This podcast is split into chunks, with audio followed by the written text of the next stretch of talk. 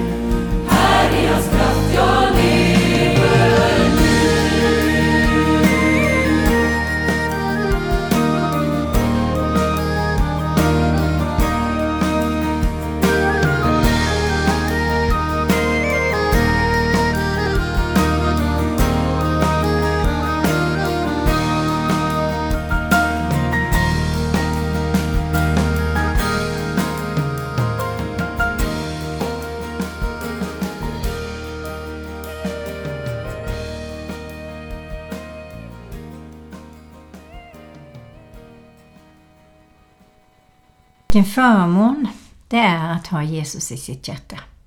Och vilken förmån och trygghet och underbar känsla genuint i en människa som vet att man är genomälskad av Herren. Och då tänker jag på förra veckan när jag talade om det här med sinnet, hur viktigt det var att det hålls rent och att eh, Gud vill förnya vårt sinne. Och då tänker jag ett steg till och då tänker jag på barns sinne. Det är ju väldigt skört och ömtåligt.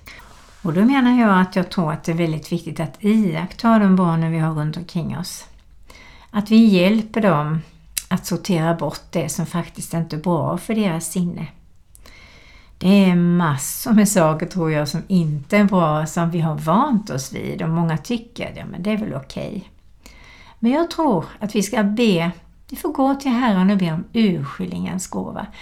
Vad är det jag ska tillåta och vad är det jag ska motivera dem till att göra istället? Hur ska jag säga de här sakerna på ett sätt som blir attraktivt? Och hur kan jag hjälpa dem att hitta nya sätt att tillbringa tiden på, tillbringa som familjetid, som mamma-pappa-tid, äktenskapstid alltså. Och hur kan jag hjälpa syskonen att må bra tillsammans? Och då tror jag att det är väldigt viktigt att man gjorde som jag gjorde i förskolan när jag jobbade där, eller i skolan, att jag stod och iakttog och jag lyssnade. Hur talar de till varandra? Hur bemöter de varandra? Hur ser de på varandra? Hur låter de när de är med varandra? Och vad gör de? Gagnar det deras framtida tillväxt? Gagnar det deras lilla ömtåliga själ? Och även om det är ungdomar så har de också sköra själar, särskilt i puberteten. Och jag tror att många vuxna släpper sina barn och ungdomar alldeles för långt och alldeles för tidigt. Och jag menar inte att man ska binda barnen till sig, men man behöver kolla upp lite vad de är, vad de håller på med. Är de lyckliga? Mår de bra? Har de fina kompisar? Känner jag föräldrarna till kompisarna? Vet jag var de bor om det skulle hända någonting? Att jag är en förälder fullt ut. Och det är lätt ibland att vara trött som förälder när man jobbar heltid. Och ibland kan jag ju fråga föräldrar så här, varför jobbar du heltid? Du har ju barn som är under 12 år och du har rätt att gå ner i tjänst. Och bli lite mer utvilad, ha lite mer kul, ha lite mer ensamtid, ha lite mer tid med din hustru eller din man, ha lite mer tid med varje barn kan få sin tid med dig. Där du lär känna ditt barn på djupet. Och det är det som är kvalitet. Och att våga säga nej med kärlek. Nej, det här är inte bra för dig. Och då får man kanske räkna med reaktion. Men då får man sätta sig ner och säga nu ska jag förklara för dig varför. Och jag gör detta för dig för jag älskar dig. Och det behöver vi farmödrar och mormödrar och morföräldrar och allt vad vi är för någonting. Släktingar också göra. Eh, att ta ett samtal. Och eh, jag vet att det är många som drar sig för det. Men det ska vi inte göra. För om vi älskar varandra, då får det ta sin tid. Och vi kanske till och med behöver be till Gud först. Eller under tiden vi håller på med samtalet. För vissa samtal kan man inte hoppa över.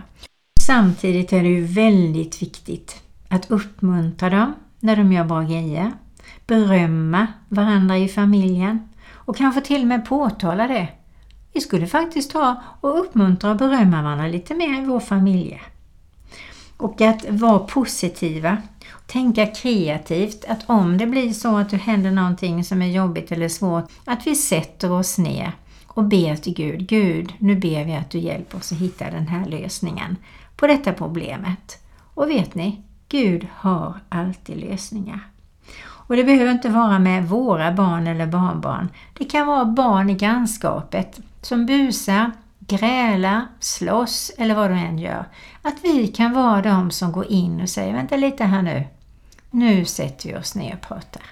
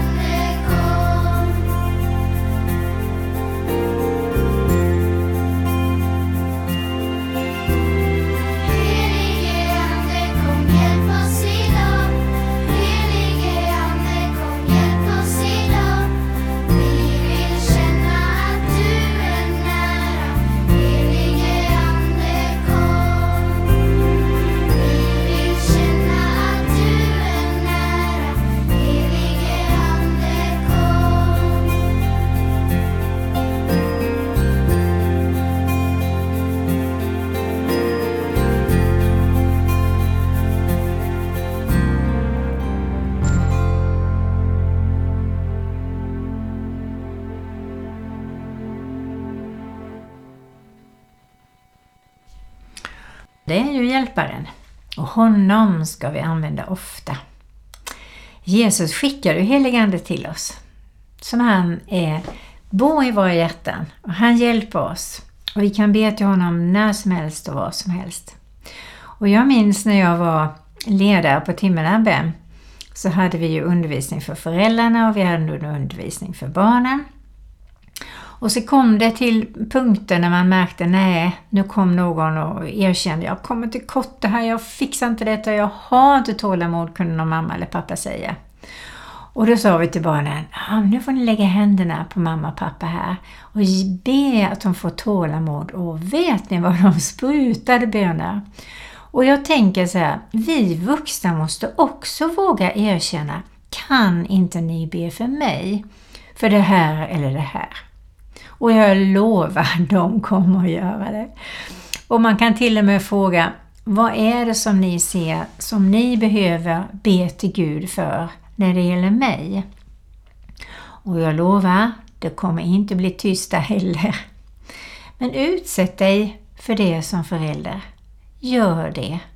Därför att det blir ett samspel som är så värdefullt i er framtid framåt. Det går inte att värdera i pengar. Och om du är ärlig och erkänner, jag har jättesvårt med tålamod, jag har jättesvårt att erkänna, jag har svårt att be om förlåtelse eller något annat. Var ärlig och säg det och jag, jag kan lova dig, jag har fått göra det många gånger och det är så pinsamt och det är så tråkigt och det är så ledsamt som man nästan börjar gråta själv och många gånger har jag nog gjort det. Men de trådarna i ärlighet och kärlek, alltså, jag kan inte värdera det nog. Och så kan barnen göra samma sak. Be för mig, för jag märker att jag fixar inte detta. Och då blir det ett utbyte av bön, utbyte av kärlek, utbyte av ärlighet som varar längst. Och lova dig själv, som jag var tvungen att lova mig själv, att stolthet och högmod vill jag icke ha med att göra. Hellre böja mig en gång för mycket. Det är inte roligt och det är inte så lätt. Men det är ett beslut och det är inte alltid vi kommer hålla det.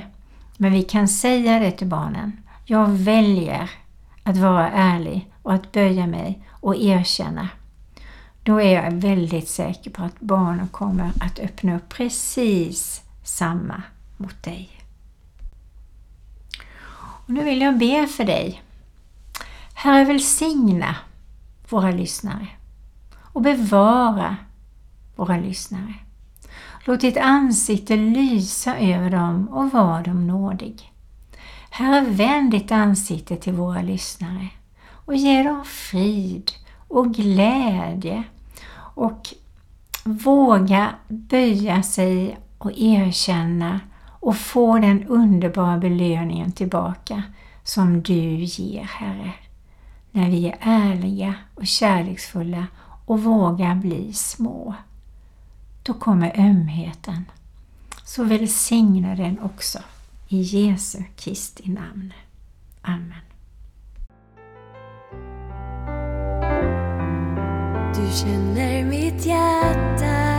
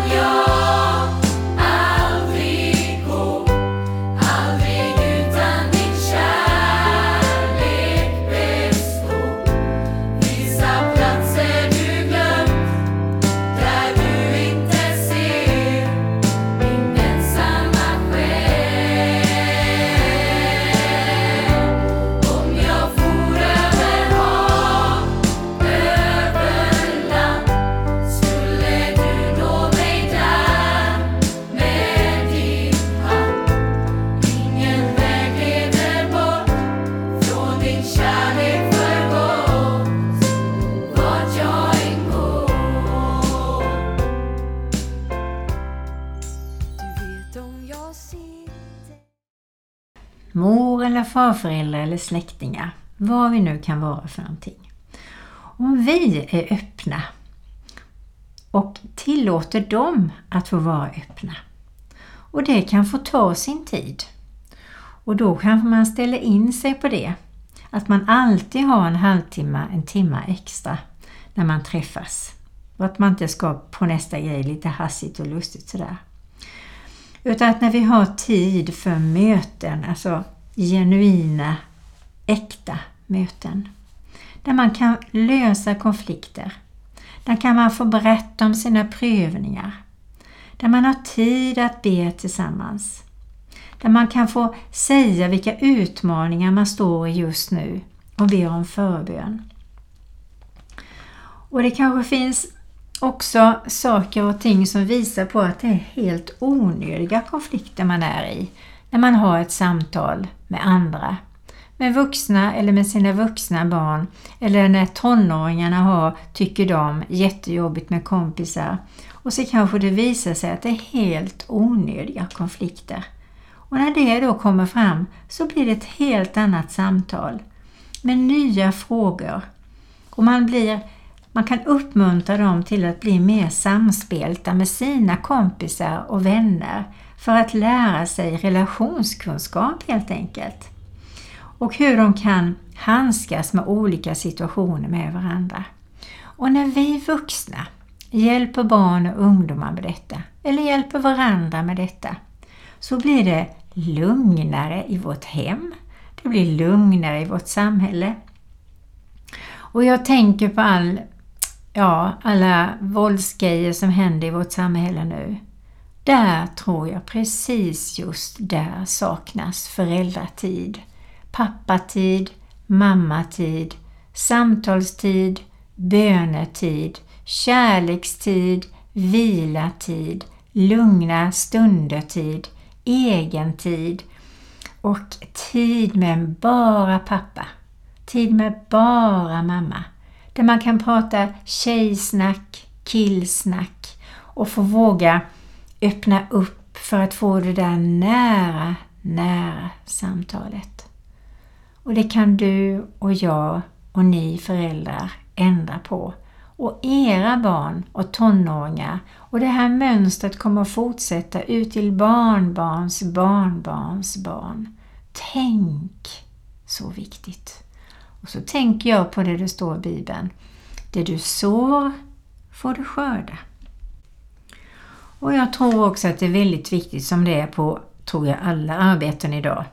Att man sätter sig ner med lite mellanrum och eh, frågar och utvärderar.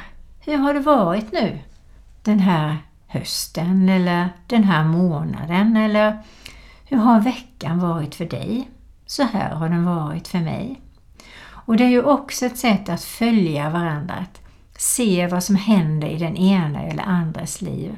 Och det kan bli en jätte, jätte, jättefin stund, till exempel en fredagkväll där man tar en enkel måltid eller unnar sig köpa hem en pizza eller man gör en sallad tillsammans och ha en liten stund i alla fall och den kan bli lång. Där man utvärderar. Hur var det? Hur gick det? Vad sa du? Hur tog den emot det?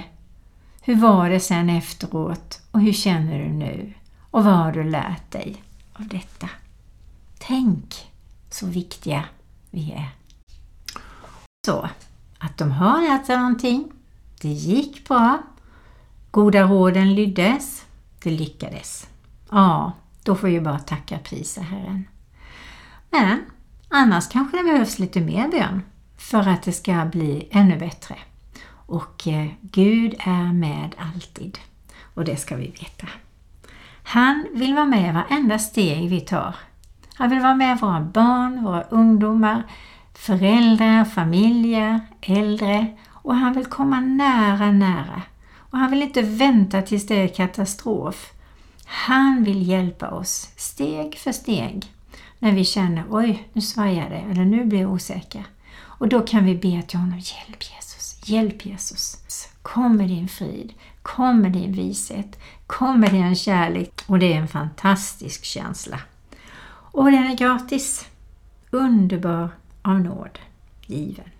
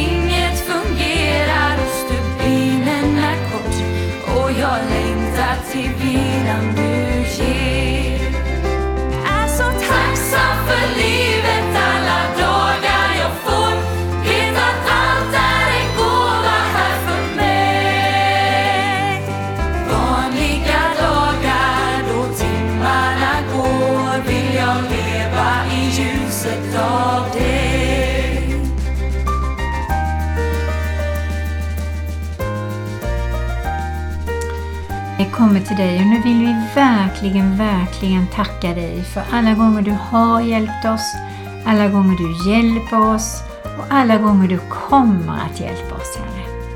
Och tack att vi får lita på dig i vanliga dagar, i vanliga stunder när det kanske knölar till sig lite eller knölar till sig mycket. Så är du där och det räcker med att vi säger Hjälp mig Jesus, hjälp mig Jesus. Tack att du hör bön. Amen. Forma Marie-Louise Jensen. Fyll mina dagar med närhet till dig